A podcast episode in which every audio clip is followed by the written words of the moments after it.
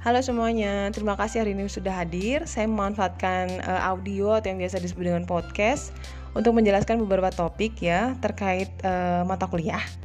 Dan hari ini saya mau bahas tentang satu chapter pertama tentang teknologi yang pada dasarnya kalian udah bisa ngerasain semua di kehidupan masing-masing ya. Perkembangan teknologi yang sangat pesat ini menciptakan banyak perubahan-perubahan baru di sekeliling kita. Semua itu jadi serba mudah dan semua itu jadi serba cepat. Tapi perlu kalian tahu, perkembangan teknologi saat ini itu nggak akan terlepas dari proses yang panjang dan semua itu sangat bersejarah di eranya. Saya mau sedikit mendongeng nih, silahkan kalian sambil dengan kegiatan yang lain. Uh, mudah-mudahan kalian paham. Jadi semenjak zaman dulu, zaman purbakala itu manusia itu pada dasarnya sudah bekerja. Untuk bertahan hidup, mereka harus mencari makan, air, dan tempat berlindung dari binatang buas. Dan pada tahun 10.000 sebelum masehi, manusia itu mulai bercocok tanam, beternak. Itulah mulai muncul ada perubahan-perubahan di uh, kehidupan mereka. Munculnya yang istilah barunya itu revolusi agraria. Revolusi yang sebelum sekarang ya. Kalau sekarang kan revolusi industri seperti itu. Kemudian beberapa kegiatan atau perilaku manusia itu mulai berganti dan gaya hidupnya pun e, menjadi berubah. Yang dulunya itu cuma berlindung, kemudian e, hanya ingin mencari makan dan bertahan untuk kehidupannya, sekarang itu sudah berubah menjadi e, bekerja dengan kemampuan sendiri. Rata-rata mereka di zaman dahulu itu menjadi peternak dan petani. Nah, di tahun 18 pengetahuan dan inovasi itu mulai berubah, ada revolusinya. Mulailah itu ditemukan mesin-mesin industri dan muncullah para industriawan yang membuat dunia menjadi modern. Di abad 18. Sekarang abad keberapa coba? Yes, bagus buat kalian yang bisa berpikir sekarang itu adalah abad ke-21.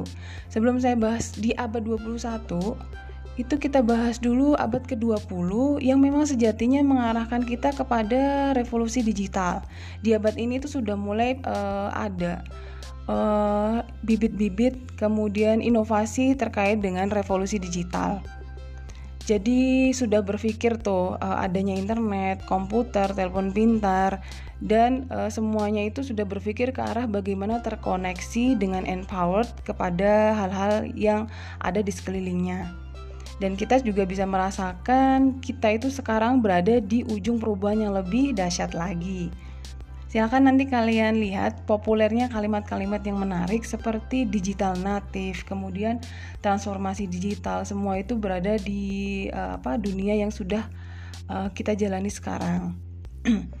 Tapi sebelum kita masuk topik yang lebih spesifik ya, Nanti kita bahas dulu perkembangan sejarah teknologi dengan pembahasan di sejarah komputernya dulu. Oke, kalau ngomongin tentang komputer, komputer kalau sekarang itu adalah media atau alat pemrosesan untuk mencapai tujuan kita di uh, zaman teknologi ya. Kalau zaman dahulu komputer itu adalah mesin penghitung elektronik yang cepat dan dapat menerima informasi input digital dan memprosesnya sesuai dengan program yang tersimpan di memori. Kemudian akan menghasilkan informasi dari manusia. Jadi komputer itu dulunya itu sebagai alat hitung aja dan uh, ukurannya sangat besar. Silahkan nanti kalian lihat di video yang sudah saya tampilkan. Kemudian uh, belajar dari definisi ilmuwan ya. Jadi Blaismer di 1985 itu pernah mendefinisikan bahwa komputer itu adalah alat elektronik yang me, yang bisa melakukan beberapa tugas. Pertama itu adalah tugas menerima input, tugas memproses input, tugas menyimpan perintah input dan pengolahan input, dan tugas untuk menyebarluaskan. Selain untuk menyimpan.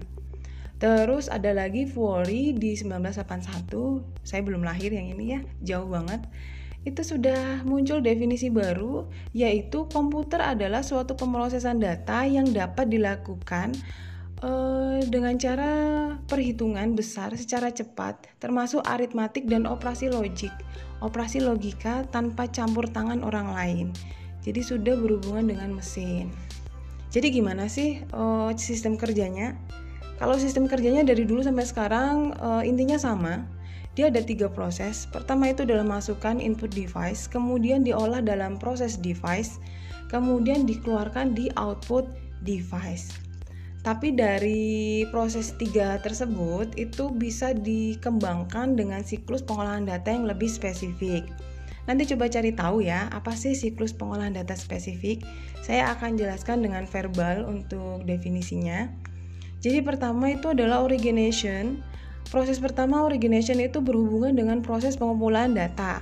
Kemudian nanti dilanjutkan di proses pemasukan data yang namanya input gitu. Setelah diinput kemudian masuk lagi di processing. Processing itu fungsinya adalah pengolahan data yang sudah dimasukkan dan dilakukan pemrosesan. Ini nanti tergantung pada pemrosesan komputer itu sendiri ya. Kita akan bahas di chapter keempat kalau nggak salah. Kemudian setelah processing, kita akan masuk di output. Output ini adalah tahap proses menghasilkan output dari pengolahan data uh, processing. Nanti dialirkan di distribution distribution kalian paham ya istilah distribution ya seperti itu jadi yang sampai sekarang itu adalah menyebarluaskan sama kalau di komputer itu distribution itu menyebarkan output ke pihak yang membutuhkan atau eh, bagian-bagian uh, yang membutuhkan Kemudian nanti kita akan uh, mengenal dengan storage, yaitu tahap rekaman hasil pengolahan data dan disimpan uh, ke dalam uh, simpanan luar. Seperti itu. Bagannya sebenarnya ada, nanti kalian bisa lihat uh, gimana prosesnya. Kalau ada yang bingung, bisa kita bahas di kuliah online ya. Sekarang saya mau lanjut tentang sistem komputer. Tadi kita ngomongin sejarah, tadi kita ngomongin cara kerja dan uh, siklus pengolahan data dalam komputer. Sekarang saya mau bahas tentang sistem komputer yang merupakan sekumpulan perangkat komputer yang saling berkaitan dan berinteraksi antara satu sama lain untuk menjalankan sebuah proses data. Jadi uh, pemrosesan itu kalau di sistem komputer nggak akan terlepas dari tiga hal. Coba nanti kalian searching juga tiga hal itu terdiri atas pertama adalah hardware, kedua adalah software, ketiga adalah brandware. Dan setiap perangkat tersebut punya fungsi masing-masing ya. Ya seperti itu. Itu aja dari saya. Hmm, nanti kita bahas lagi lebih detail. Jangan lupa kalian lihat video yang sudah saya share di Edmodo dan mudah-mudahan itu bisa bermanfaat. Sampai ketemu minggu depan. See you next week ya. Thank you. Assalamualaikum warahmatullahi wabarakatuh.